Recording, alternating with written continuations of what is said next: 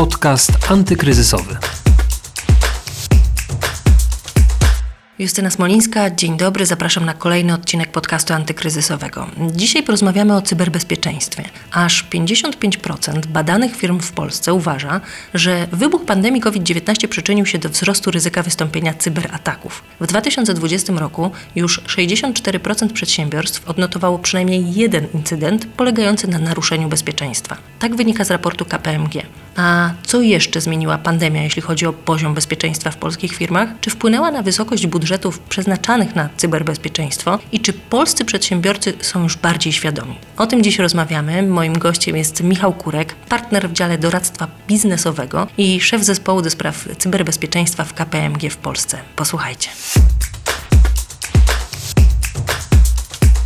No, ogólnie rzecz biorąc, niestety e, cyberataki są dzisiaj zjawiskiem powszechnym i w roku 2020 zaobserwowaliśmy za pośrednictwem właśnie wyników e, naszego badania Barometr Cyberbezpieczeństwa wzrost o 10% e, firm, które doświadczyły w ubiegłym roku cyberataku.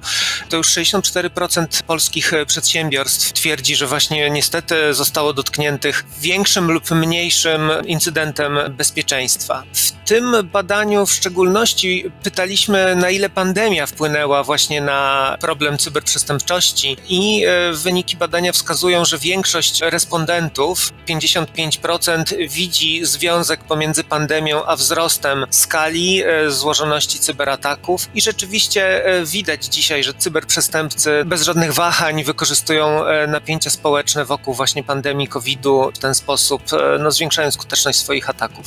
To zanim przejdziemy do tej pandemii i do tego, jak ona wpłynęła bardziej szczegółowo, e, porozmawiamy o tym, to proszę powiedzieć, bo wzrost 10% to wydaje się naprawdę sporo w porównaniu z rokiem poprzednim. Te 10% firm więcej, które doświadczyły na swojej skórze właśnie takich problemów z bezpieczeństwem. Z czego wynika aż tak duży wzrost? Przyczyną jest pandemia?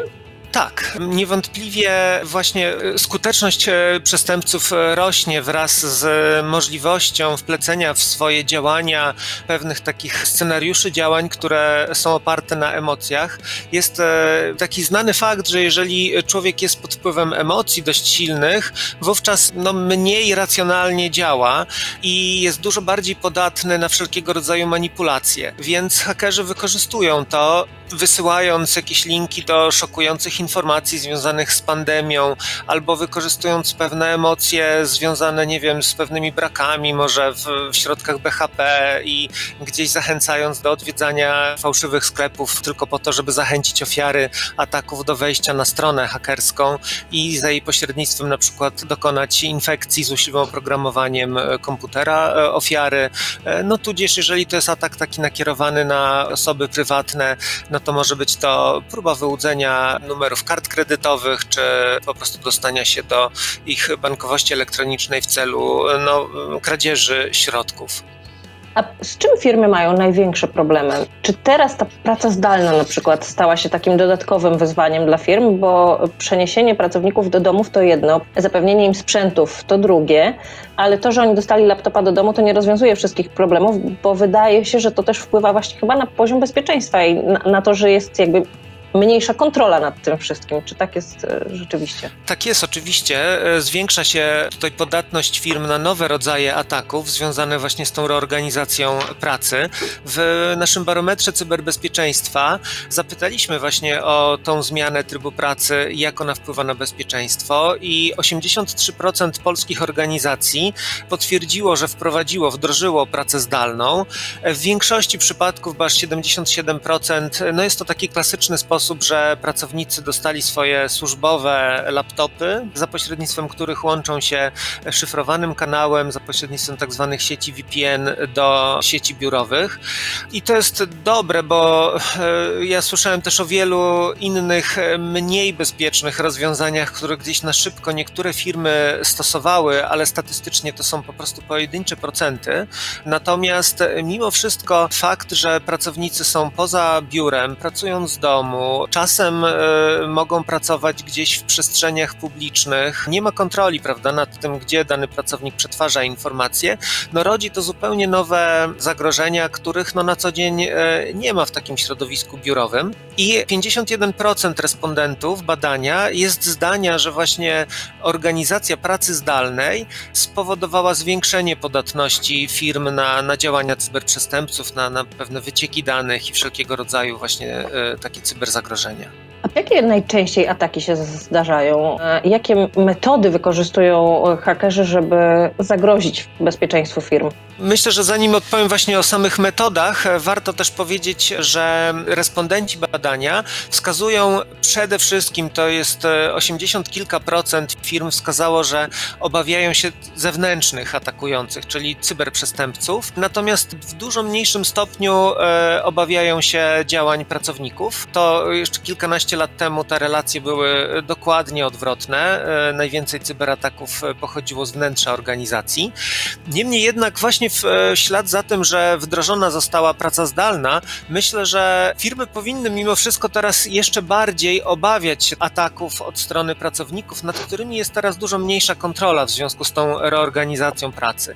I teraz jakimi technikami, czego się obawiają polskie firmy? Cyberprzestępcy dzisiaj atakują wykorzystując złośliwe oprogramowanie do dwóch celów. Najczęściej jest to tak zwany ransomware, czyli oprogramowanie szyfrujące dane na naszych komputerach po to, żeby zablokować dostęp do tych danych i wymusić okup hakerzy wtedy odszyfrowują dane, jeżeli zostanie uiszczona opłata w, w, kryptowalutach, odszyfrowują dane i można dalej korzystać z systemu i czasem, jeżeli nie ma stworzonej kopii bezpieczeństwa, a dane są bardzo cenne, no wiele osób niestety decyduje się na zapłacenie tego okupu, no i stąd ten proceder się staje coraz, coraz to bardziej popularny. W ostatnim czasie też hakerzy łączą tak zwany ransomware z kradzieżą danych i groźbą i tutaj też żądaniem okupu, grożąc, że te dane zostaną upublicznione.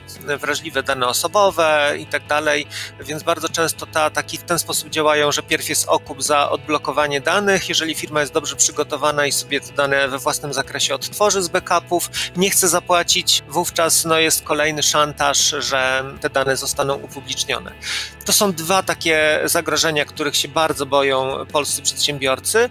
Trzeci, bardzo mocno związany z nim, to jest socjotechnika.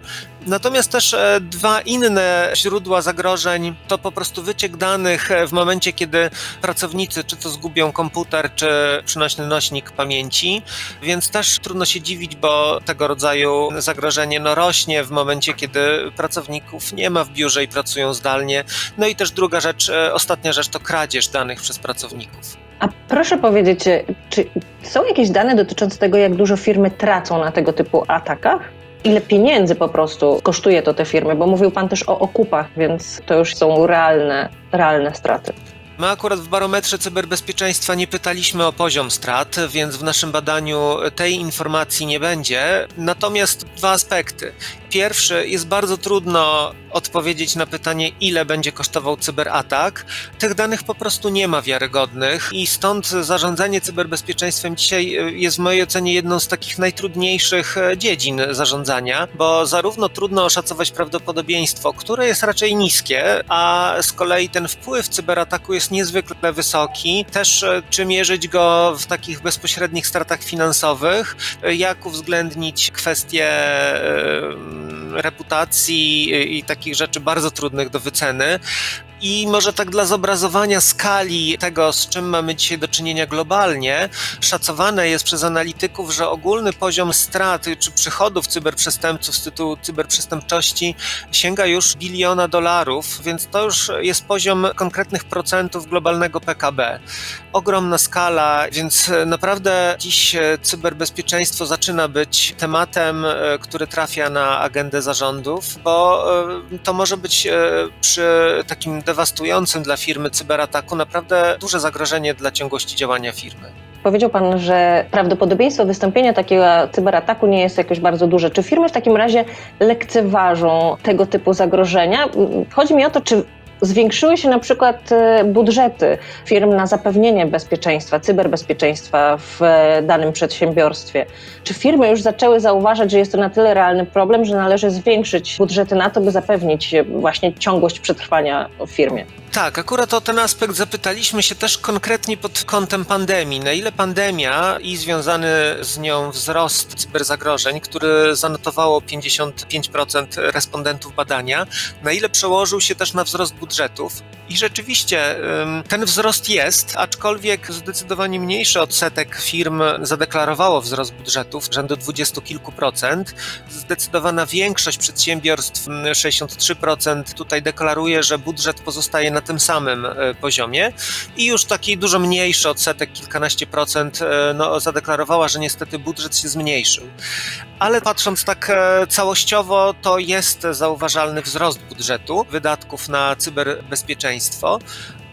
Aczkolwiek e, patrząc też, e, jak pandemia wpływa ogólnie na sytuację ekonomiczną i dla wielu firm to naprawdę jest niezwykle trudny okres dzisiaj. To oczywiście w zależności od branży, bo są branże, które wręcz na pandemii, można powiedzieć, zyskują, ale no, jednak ekonomia zmaga się z tym wyzwaniem, które mamy, więc w związku z tym no, trzeba też przez ten pryzmat popatrzeć na te umiarkowane wzrosty, ale jednak wzrosty, że mimo pewnego kryzysu ekonomicznego te wydatki nie są ścinane, tylko rosną. A z własnych doświadczeń mam niestety takie e, przeświadczenie, że firmy w jakiś sposób lekceważą cyberzagrożenia. Bardzo rzadko w firmach jest przeprowadzana taka realna analiza ryzyka i najczęściej dominuje takie podejście, że skoro przez kilkanaście ostatnich lat nic się nie wydarzyło poważnego, e, no to może nie ma sensu wydawać e, więcej czy inwestować w to bezpieczeństwo. I bardzo często niestety firmy dopiero zaczynają inwestować, jak doświadczą poważnego ataku. Wtedy zupełnie zmienia się sposób myślenia. No a e, wiadomo, że, że lepiej się zabezpieczyć niż leczyć. A proszę powiedzieć, co stanowi największy problem firm, jeśli chodzi o zapewnienie odpowiedniego poziomu bezpieczeństwa? Czy brak pieniędzy, czy brak wiedzy? Raczej z Pana odpowiedzi wynika, że raczej właśnie lekceważenie, czyli brak wiedzy, tak? Nie brak funduszy odpowiednich. Ogólnie rzecz biorąc, brak wiedzy to poważny problem. E, brak takiej świadomości w zakresie bezpieczeństwa, po stronie też kadr zarządzających, też po stronie często osób korzystających na przykład z takich e, nowych technologii, jak przetwarzanie w chmurze. Bardzo często dzisiaj mamy taki problem, e, dostrzegamy w firmach tak zwane shadow IT, że biznes sam kupuje aplikacje dostarczane w takim modelu chmurowym. Jest bardzo łatwo po prostu wykupić dostęp i przetwarzać dane w, w chmurze i często jest to realizowane z pominięciem wszelkich tutaj służb e, informatycznych, z pominięciem wszelkiego rodzaju analiz ryzyka i tego typu e, działania mogą narazić na bardzo duże konsekwencje firmy, ale wprost pytaliśmy w naszym badaniu co roku o to pytamy, jakie są główne bariery w budowaniu bezpieczeństwa. I właśnie czynnik ludzki w tym roku wypłynął kolejny raz e, jako numer jeden, numer jeden bariera. Pieniędzy zawsze będzie brakowało, bo zawsze można zainwestować więcej w bezpieczeństwo, nigdy nie da się też e, uzyskać stuprocentowej gwarancji, że jest bezpiecznie, ale w ocenie polskich przedsiębiorstw e, finanse są mniej problematyczne, łatwiej jest zdobyć środki niż zdobyć dobrego pracownika i jest to związane z tym, że też w Polsce bardzo dużo globalnych korporacji inwestuje w tak zwane centra kompetencyjne, też w zakresie bezpieczeństwa. Te firmy naprawdę wysycają nasz rynek pracy z ekspertów i niezwykle ciężko jest dzisiaj dzisiaj e, utrzymać tego rodzaju e, kompetencje w firmie. Dlatego też wiele Dziękuję. firm decyduje się na outsourcing. Jest to też jakaś opcja, ale no, trudno też idealnie rozwiązać ten problem. Dziękuję bardzo za rozmowę. Naszym gościem był Michał Kurek, partner w dziale doradztwa biznesowego i szef zespołu do spraw cyberbezpieczeństwa w KPMG w Polsce. Dziękuję panie Michale. Dziękuję bardzo. Tym odcinku podcastu antykryzysowego to już wszystko. Do usłyszenia niebawem, a wszystkie dotychczasowe rozmowy znajdziecie oczywiście na stronie Pulsu Biznesu i w aplikacjach podcastowych. Justyna Smolińska, do usłyszenia. Podcast antykryzysowy.